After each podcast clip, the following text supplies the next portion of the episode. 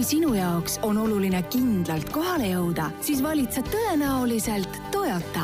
Elke hoolitseb selle eest, et sa oma Toyotast ainult rõõmu tunneksid Tallinnas, Rakveres, Kuressaares ja Narvas. Elke, sinu Toyota, meie kirg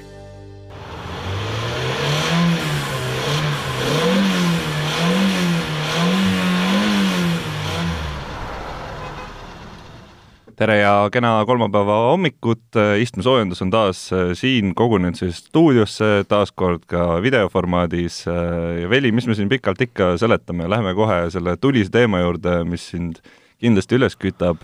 Äh, oh, teema jah. puudutab siis Audru ringrada, on ju, räägi, mis mm, -hmm. mis see probleem siis Audru ringrajaga nüüd on?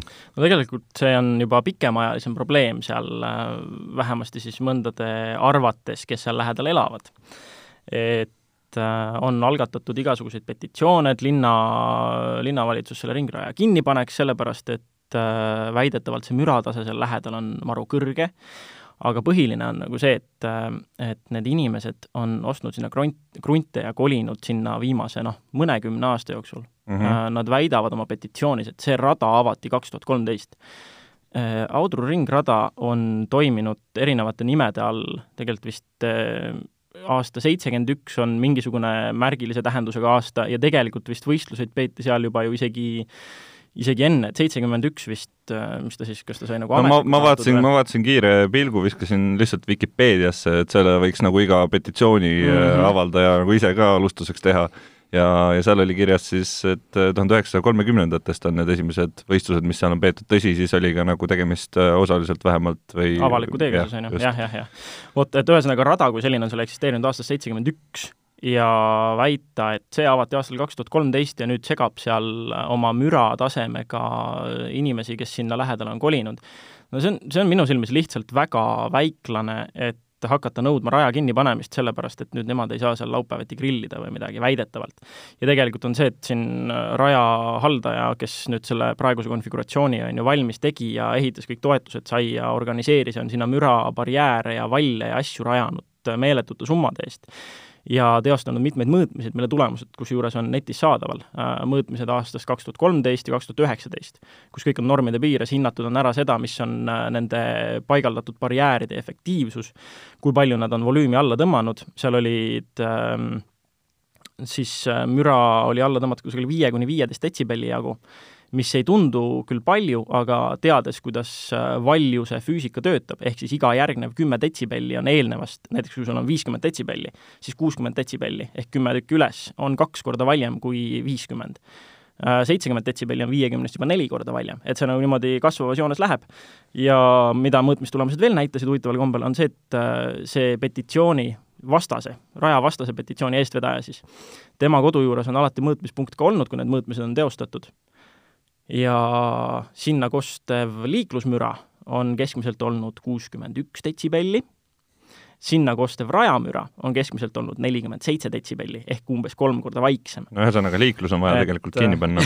jah, et ja see, see, see on üleüldiselt minu jaoks täiesti ebaloogiline, mida nad siis nagu ütleme, et nad saavutavad selle, mis nad tahavad, mille eest nad on võidelnud siin, et rada pannakse kinni mis siis saab, mida siis entusiastid no, siis tulevad need downpipe'iga vennad tulevad sul akna alla lihtsalt no, sõitma. mul oli ka see mõte, et mis oleks, kui siis noh, Pärnus on subariste maru palju, et teeks ühe mingi Subaru klubi kogunemise seal näiteks päevasel ajal täiesti lubatud, kui sa volüümi, kui sa oled seal lubatud normide piires, on ju et tegelikult täiesti, mis, mis, mis me, mis keegi sellest võidab? ei tea, mis see, mis see lahendus sellele asjale üldse võiks olla, seal petitsioonis oli veel selline statement, et äh, me ei ole nõus olema niinimetatud kolmas maailm, kus jõukamate piirkondade ja riikide inimesed käivad tegemas seda, mida oma riigis või kodulinnas enam teha pole võimalik. see on nagu väga huvitav äh, väide minu arust, just nagu äh, mingisugustes kolmanda maailma riikides oleks ainult võimalik autoga kiiresti sõita või oleks mingisugused ringrajad ja mm. et see on nagu väga-väga kummaline väide, pigem on nagu vastupidi, et yeah. meie infrastruktuur selle koha pealt, et kus sa saad minna autoga kiiresti sõita, see on tegelikult väga puudulik, et ega meil ju põhimõtteliselt üks koht on, kus saab autoga normaalselt sõita ja, ja, ja see ongi seesama, mida nüüd kinni tahetakse panna. et ühesõnaga, see siin lahendusi ei ole keegi midagi pakkunud, on väike seltskond, kes nõuavad, et äh, nende arvates on äh, müra palju ja selle võiks äh, kõik puha kinni keerata. Ja noh, lahendusi selles mõttes ei, ei ole mina veel näinud, lisaks veel ka see asi, et et äh, tegu on siiski äh, noh, see on nüüd, ma ei tea, kui, kui objektiivne see on, aga ikkagi ühega parimatest radadest Skandinaavias. et ähm, ta on moodne, ta on, siin peetakse igasuguseid äh,, igasuguseid erinevaid võistluseid, see toob meile turiste, see toob Pärnu linnale igasugust äh, kasu, on ju et ma ei, ja siis on mingisugune noh, kui me vaatame seda vast-, vastaste petitsiooni, siis seal oli eilse seisuga vist, eilse õhtuse seisuga mingi sada kolmkümmend vast- mm, -hmm. allkirja, ja vaadates kiirelt, siis keegi oli teinud ka Ringraja poolt petitsiooni ja seal oli, mis on palju vähem äh, olnud aktiivne ja seal on praeguse seisuga üle kahe tuhande poolt allkirja juba. ja me kindlasti ka anname oma panuse sinna, et just sellele poolt petitsioonile siis neid allkirju juurde saaks, et äh, võite rahulikult minna meie Facebooki, ma panen selle lingi sinna üles äh, kohe, kui saade läbi saab ja siis äh, saate ka minna selle alla kirjutada, kes arvab, et, et see ringrada peaks ikkagi Eestis olemas olema. ja olgu öeldud, et see ei ole tegelikult noh, ütleme nii, et see ei ole otseselt midagi, äh, midagi muutev petitsioon, vaid see on lihtsalt see, see näitab, et me tuleme kogukonnana kokku ja ja, ja see näitab seda, ja see näitab seda, et siin ei käi ainult sõitmas mingisugused äh, müütilised mm. välismaalased, kes kolmanda maailma riikides tahavad autoga sõita. Äh, lähme nüüd siit kohe järgmise teema juurde ja see puudutab äh, elektriautode toetuseid, äh, täpsemalt siin Covid-19 tuules. et kuna, kuna see üldine restruktureerimine pärast kogu seda Covidi kriisi on suhteliselt palju räägitud teema ja, ja nii mõnedki riigid -hmm. mõtlevad, et nüüd on see hea võimalus, kus saab teha investeeringuid, kus saab muuta asju kõvasti rohelisemaks, kus saab mingisuguseid lisatoetusi välja käia, kuna kuna kõik võtavad praegu laenu, äh, hea võimalus raha lennukitelt kastidega alla visata. Ja, ja selleks siis äh, Ühendkuningriigis on, kaalutakse sellist meedet, millega saaks äh, iga elektriauto ostult alla umbes kuus tuhat kaheksasada eurot, eelduseks, et jätad oma vana diisli või siis bensiiniauto maha. ja, ja sarnast elektriauto toetust plaanitakse ka Saksamaal ja seal ulatub see toetus koguni üheksa tuhande euroni ühe auto kohta et äh, kui me räägime siin võrdluseks, siis näiteks meie viimane elektriautode toetuse voor, seal oli maksimaalne toetus oli viis tuhat eurot mm. -hmm.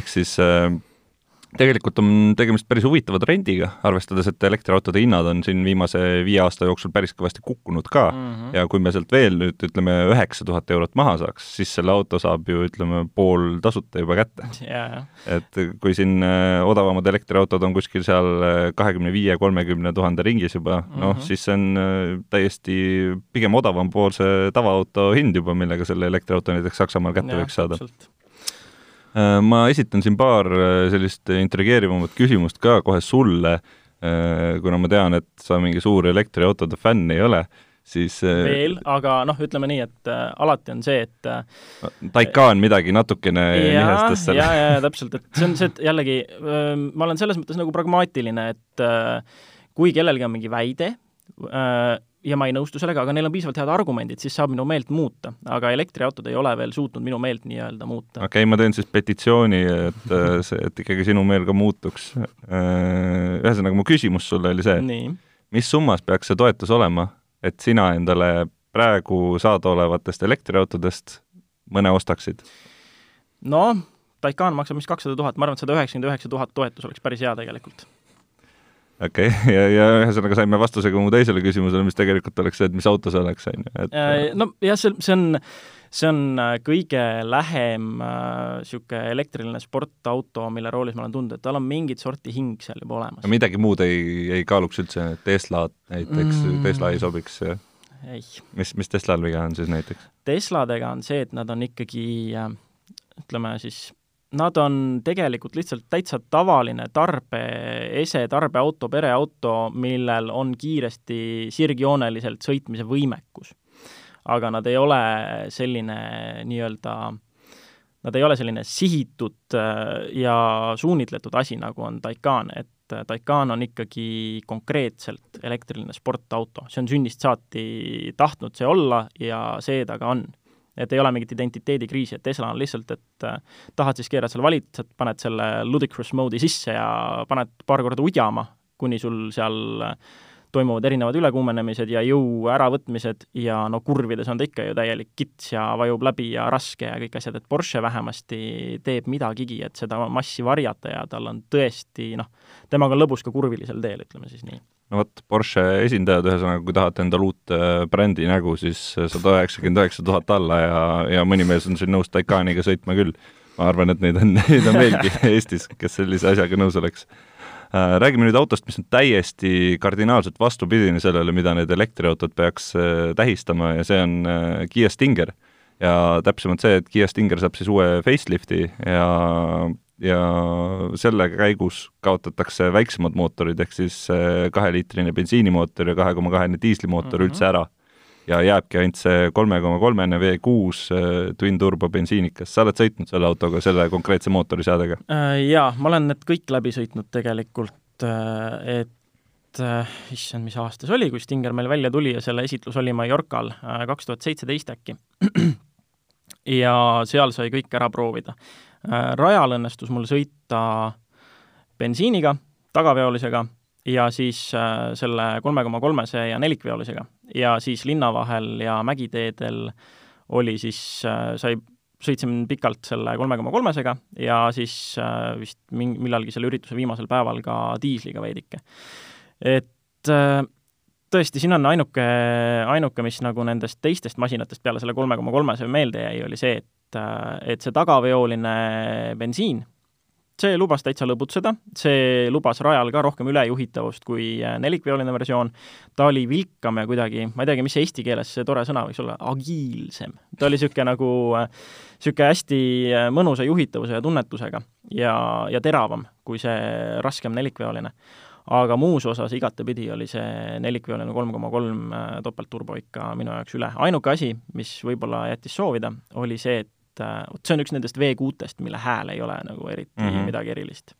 no mul on sulle häid uudiseid, sellepärast et äh, sellel uuel faceliftil äh, lubatakse klappidega väljalaset, mis äh, tõotab siis ka kaunimat häält, on ju. nagu me teame, tänapäeval siis klapid väljalaskes parandavad kõik vead. kõik vead ja, ja lubatakse ka suuremat võimsust, kolmesaja kuuekümne viie hobujõu pealt siis kolmesaja kaheksakümne hobujõuni. see on niisugune tavaline facelifti yeah. lisame viisteist heppa. samamoodi väiksed mingid mm -hmm. kosmeetilised muutused, suuremad õhuavad võimalik, on ju, siis mingid tulede muudatused, et need kas, on kõik ähm, kas selle kohta midagi oli, et kas need äh, butafoorsed õhuvõtuavad seal kapoti peal, et kas need on tehtud ka nüüd funktsionaalseteks või, või peab selle neid ise läbi puurima selle kohta hakkama? hetkel, hetkel mingisugust lisainfot mm, ei ole, aga okay., aga eks me saame näha. see on jah üks selline äh, Stingeri juures üks küsitavaid äh, disainielemente minu juures, et ikkagi okei okay,, üks asi, mida on palju kommenteeritud, on, et äh, tagatule, kui sa vaatad külgprofiilis seda masinat, on ju, siis tagatuled on sellised jooned, mis, mis venivad natukene ettepoole välja mm -hmm. ja minu arvates sellisele laukpärale sobivad need väga hästi. Äh, mõned on öelnud, et noh, võib-olla küsitav, aga jah, minu jaoks on pigem küsitav see, et need butafoorsed õhuvõtuvad samamoodi nagu näiteks uuel Toyota Supral on uh, ukse tagumises otsas, siis on uh, tagumise rattakoopa pealt tulev justkui nagu koht on see, kust võiks tulla õhk peale, et jahutada rehvi ja vähendada turbulentsi rattakoopes mm. -hmm aga jälle butafoorne, lihtsalt plastik, mingi, mingisugune tekstuurne plastik on peale mm. pandud. et sama on ka Stingeriga, et sul on kapoti peal kaks mingisugust jurakat, et eks kõiki selliseid äh, fik fiktiivseid lahendusi on äh, tänapäeval mm. nagu igale poole jõudnud ja kahju on jah, et see Stingeris ka on, sest et Stinger on, ma ühe korra olen juba rääkinud sellest äh, arvamusloost, mis ma lugesin mm, -hmm. ja et Stinger tegelikult on see tähistab midagi olulist ja see oluline ongi see, et Kiia, kes on teinud nagu surmigavaid autosid terve aja, mitte ühtegi autot ei ole seal, mis oleks vähegi normaalne, mis, millega nagu tahaks sõita lihtsalt lõbu pärast.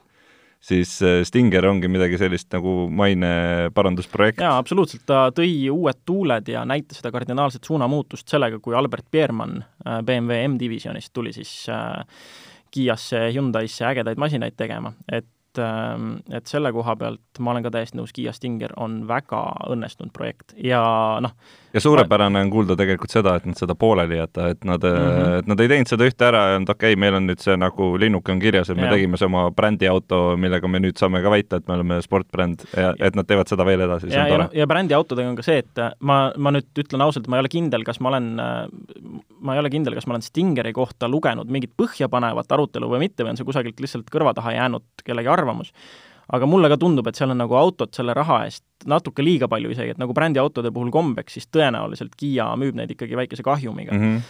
ja noh, reaalselt, kui ma olin Stingeriga sõitnud ja ma läksin pärast sõitma tutika kuuenda seeria BMW mingisuguse Grand Turismoga, mis on samamoodi, on ju, neli ust, laukpära ja hästi mugavusele orienteeritud masin, nagu GT-d ikka, siis minu järeldus oli see lõpuks, et et kui te olete vähegi natukenegi lapsikum, ei taha nagu välja paista linnapildis täiesti niisugune täiskasvanulik, siis hoidke kakskümmend tuhat kokku, võtke Kiia Stinger. ja siiamaani ma olen sellega, sellesama väitega täiesti, noh, ma ikka seisan selle väite eest, et Stinger on maru hea masin ja ta on mugav ja tal on seda fun'i ja lusti lisaks sellele luksusele ma kusjuures ütlesin täpselt sama asja sinust eraldiseisvalt siis, kui meil äh, kunagi äh, vist Üllega see arutluseks mm -hmm. tuli saates äh, just Stinger mm, -hmm. ma ütlesin sama asja, et kõik need inimesed, kes vaatavad BMW poole, siis minge ja tehke see üks proovisõit Stingeriga ka, sest et see, seal ei ole see erinevus ei ole nii suur välja arvatud kakskümmend tuhat eurot, mis on päris suur. just,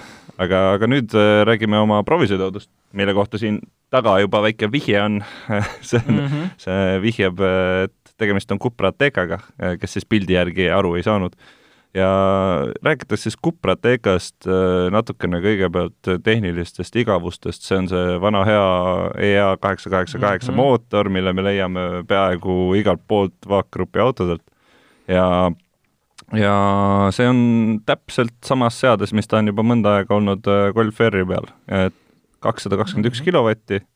ehk kolmsada hobust nelisada Newton-meetrit väänet ja, ja siis täpselt sarnaselt Golf R-ile on tal ka nelikvedu. ja T-Rock R-ile, mis on ka põhimõtteliselt juba arvutatud ja väga sarnane asi tegelikult. ja minu, minu arust on, ongi huvitav äh, võrrelda just äh, Golf R-iga, kuna mul on ka sellega kogemus olemas äh, ja minu sõidukogemusest esimene asi, mida ma täheldasin, oli see mhm. massi erinevus ja see oli see, mhm. mis muutis seda sõitu väga palju. ja no see kõrgus ka, on ju no kõrguse, ütleme niimoodi, kõrgus ei olnud niivõrd tuntav, see oleks olnud mm. tõenäoliselt tuntav, kui sellega oleks äh, sõitnud mingisugusel väga kurvilisel teel, mul yeah. selliseid äh, teid küll selle prooviperioodi jooksul ei olnud, aga just minekus on seda tunda, et üks auto ikkagi kaalub äh, üle tuhande kuuesaja kilo, teine mm. kaalub nagu äh, alla tuhande viiesaja kilo, et seal on yeah., seal on märkimisväärne erinevus. aga, aga samas äh, Ateekal on ka midagi, mida Golf R-il, R-il ei ole ja see on äh, ruumikus, et äh, kes äh, golfidega sõitnud on, siis ega sinna ülemäära asju ei mahuta, kui nad mis ei on, ole just need. mis on huvitav, sest golfi parameetrid läbi aegade on meeletult kasvanud, et praegu on ju see põhimõtteliselt, et kui me võtame nüüd väike, väike Volkswagenid ette, näiteks Polo ja noh, Polo GTI oli vist viimane, viimane Polo, millega ma sõitsin eelmisel aastal, siis nende parameetrid on kasvanud sinnamaani, kus oli vist kas teine või isegi kolmas Golf ja noh, ja Polos ei ole põhimõtteliselt üldse ruumi, sul mahub äh, pagassi võib-olla kaks-kolm seljakotti. no eks golfe on, nagu... on ka erinevaid, on mm -hmm. ju kahe uksega golfid, on nelja uksega ja, golfid, on veel need pikad mm -hmm. estate versioonid, on ju, et seal on, seal on igasugust, äh, aga noh, olenemata sellest, kõikide nende golfidega võrreldes on Ateca mm -hmm. ikkagi ruumikas. seda küll. ja tegelikult on meil just see eelmise autoga võrreldes, mis oli siis Stelvio Quadrifoglio Alfa Romeo, on ju siis siin on see vedrustuse seadete küsimus on see, mis, mis sind painas, on ju, äh, Quadrifogle puhul, siis äh, siin vähemasti on tunda midagi. ma ütleks ka, et vaag sportlikumate autodega on täpselt see, et see mhm. DCC ehk siis dünaamiline šassi, mis iganes juhtimine. et, et see toimib ja, ja seda mm on ka mhm. tunda, et kui sa paned auto kõige jäigemasse versiooni, siis ta on päriselt ka kõige jäigem mm, kui sa paned ta mugavasse versiooni, siis noh, ei saa öelda, et ta on just mugav, aga ta on mhm. mugavam yeah. äh, erinevalt, erinevalt sellest jah, ja nüüd oli muidugi see, et ma selle Cupra Atecaga tegelikult sõitsin äh, ise juba eelmisel aastal, kui ta tuli. ma ütlen kähku Cupra kohta infoks ka veel, et ähm, kuigi ta on Ateca nagu Seat, siis äh, see on nüüd esimene masin, mis on siis tehtud Seatist nii-öelda selles mõttes eraldiseisvalt, et äh, eraldiseisva nime alt, et Cupra, mis oli lihtsalt varem lisand Seati ägedamatele sportlikele mm -hmm. masinatele, aastast tuhat üheksasada üheksakümmend kuus juba, ja esimene Cupra oli Seati Pizza Cupra, siis äh, nüüd see Cupra Ateca mingil põhjusel võeti jälle, tehti esimese, esimesena linnamaastur, ma ei no, saa muidugi, mida, mida sa, mida sa täna ikka teed, on ju, aastal kaks tuhat kakskümmend, muidugi sa teed mhm. linnamaasturi, sportliku linnamaasturi, et muud moodi ei saagi. Äh, et Ibiza peaks millalgi, millalgi lähiajal tulema siin ühena järgmistest Cupra mudelitest. aga jah, ma soovitan minna ja vaadata Accelerista Youtube'i kanali alt ühte võrdlusvideot, mis, mis me tegime, kus ka Subaru entusiastid tulid, ajasid välja sellise legendaarse masina nagu Forester STi, mis oli minu jaoks selline esimene jõhker linnamaastur. et millel oli ka niisugune kolmesaja hobujõuline mootor ja nelik ja muidu nagu niisugune linnamaasturi kuju ikkagi. et panime need rajal vastamisi ja võib minna täitsa vaadata seda videot ja võrdlust, et mis seal sai, et ma ütlen juba välja, et minu, minu arvamus muidugi jäi seesama, et mis ma olen ikka korranud siin selliste uuemate masinate kohta, et eriti just kuprate kohta. et tegelikult oli ka see, et ma sõitsin veel mõned aastad äh, enne Cupra Decat, ma sõitsin äh, Seat Leon Cupra kolmesajaga mm. -hmm. ja sellega oli väga sarnane järeldus lõpuks, et äh, kui sa võtad auto nagu kogumi, on ju, kogum mingeid parameetreid, mida tuleb kuidagi mingil tasemel teha, siis ta võtab iga asja ette ja ta teeb seda hästi.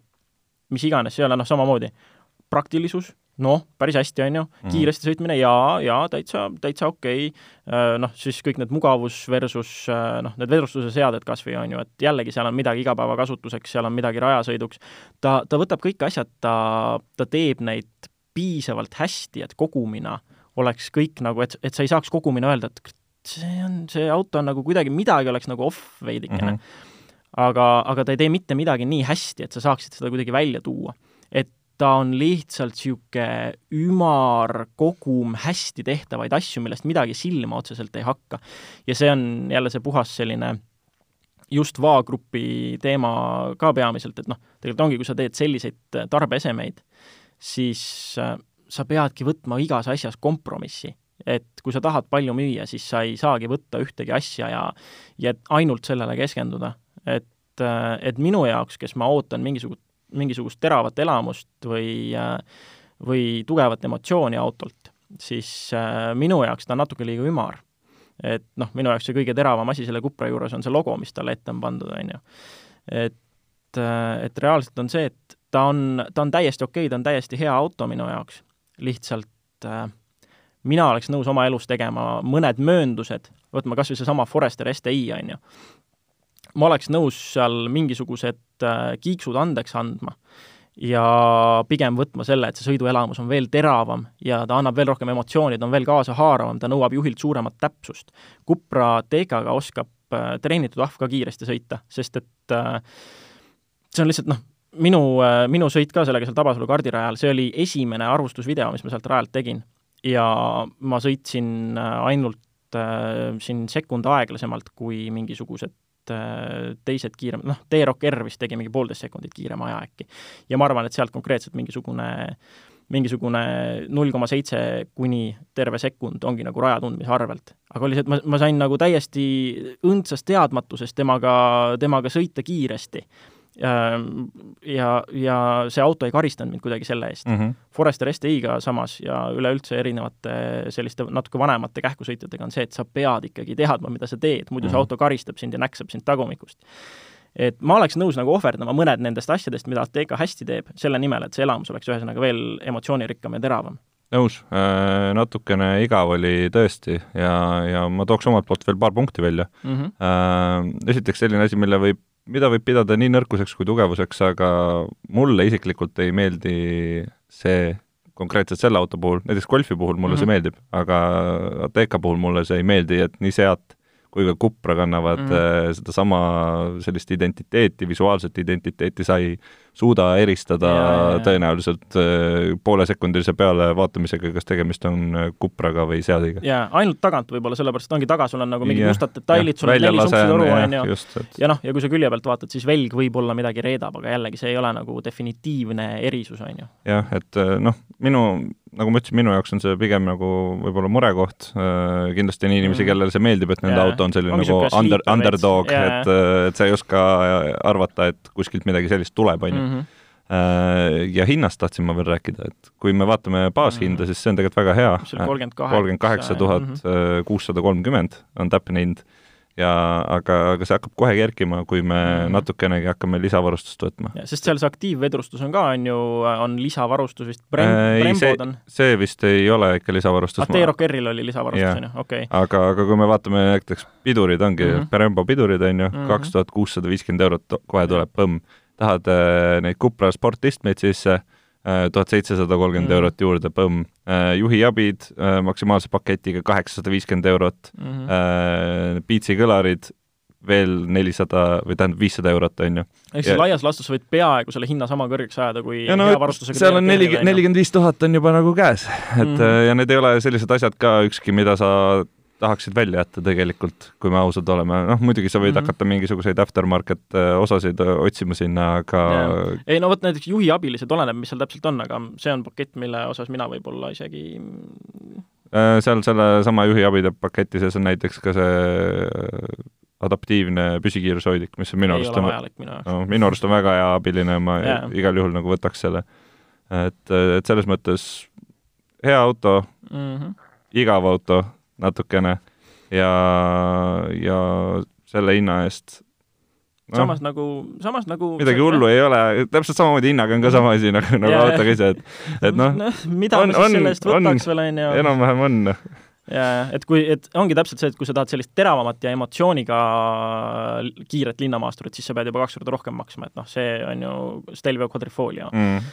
et et seal on see, noh, seal on olemas see, see kiiks ja see emotsioon, mida ma otsin, et äh, ma ei saagi tegelikult olla nii äh, nagu, kuidas ma ütlen, nii perfektsionist selles emotsioonis, mida ma taga ajan, et tõesti, ma pigem siis peakski minema ja võtma mingi vanema masina ja... aga samas kindlasti on inimesi, kellele see ka sobib, selline mm -hmm. kliiniline, kliiniline kähkusõit ja nii-öelda. täpselt ongi, sest, sest tegelikult on ju see, et mida sa selle auto juures tahad. sa tahad, et äh, oleks ruumi vedada pere, et oleks ruumi asjad ära panna, minna matkama. ja samas see lisab sulle ikkagi selle aspekti, et äh, ta on kiire ja ta on lõbus äh, nende, eriti nende jaoks, kes ei käi pidevalt kusagil kiiresti sõitmas, vaid teevad seda pisteliselt ja aeg-ajalt vajutavad ja siis võib-olla korra aastas mõtlevad, et noh, prooviks korra rajal, et mm -hmm. enne kui, enne kui uued suverehvid alla lähevad, et lähme sõidame vanad ära, on ju.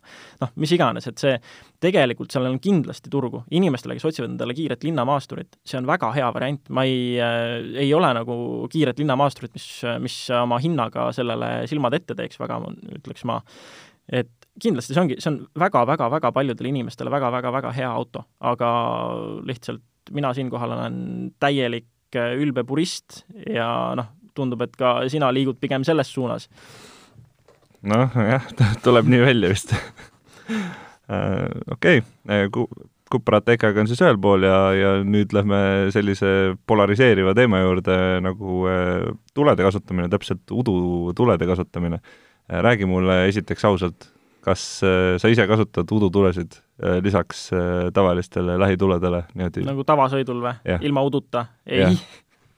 ma ei tea, mõned, mõned esteetika pärast ju see ongi, see on, see on see asi, et jah, tehniliselt on ju liiklusseadus seda teha ei keela kasutada päevasõidutulede asemel mingites mm -hmm. tingimustes, aga see, aga sellega on jälle see, et see on sama nagu a la Järvevana teel äh, vasakul sõidurajal mämmerdamine. Mm.. et ähm, jah, sa oled justkui on ju linna sees, sa ei pea andma teed tegelikult neile, kes tagant tulevad, on ju, seal ei kehti see, mis maanteel, et vasak rada on nii-öelda möödasõitudeks.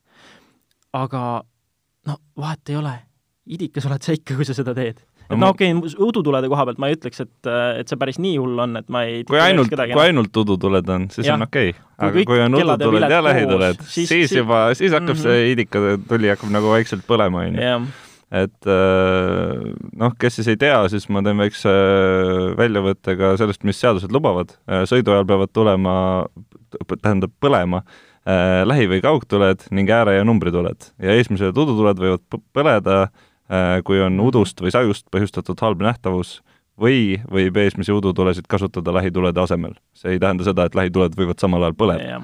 Äh, mis need argumendid on siis, on ju, üks äh, argument, mille ma juba välja tõin nendel, kes neid mhm. udutulesid kasutavad pidevalt, on esteetika, okei okay,, sellest argumendist ma saan veel aru.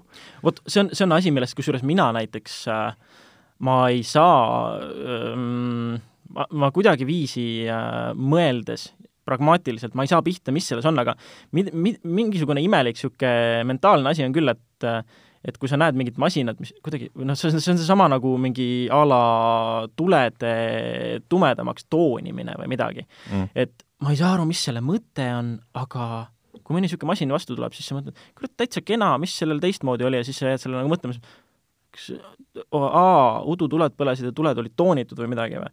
et kuida-, kuidas see nagu, see ei ole kusagilt otsast loogiline, aga samas kusagil alateadlikult ma, ma jään alati vaatama, et kurat, sealt tuleb vist midagi põnevat. ja siis see teeb jälle mingi keskmine bemm mööda.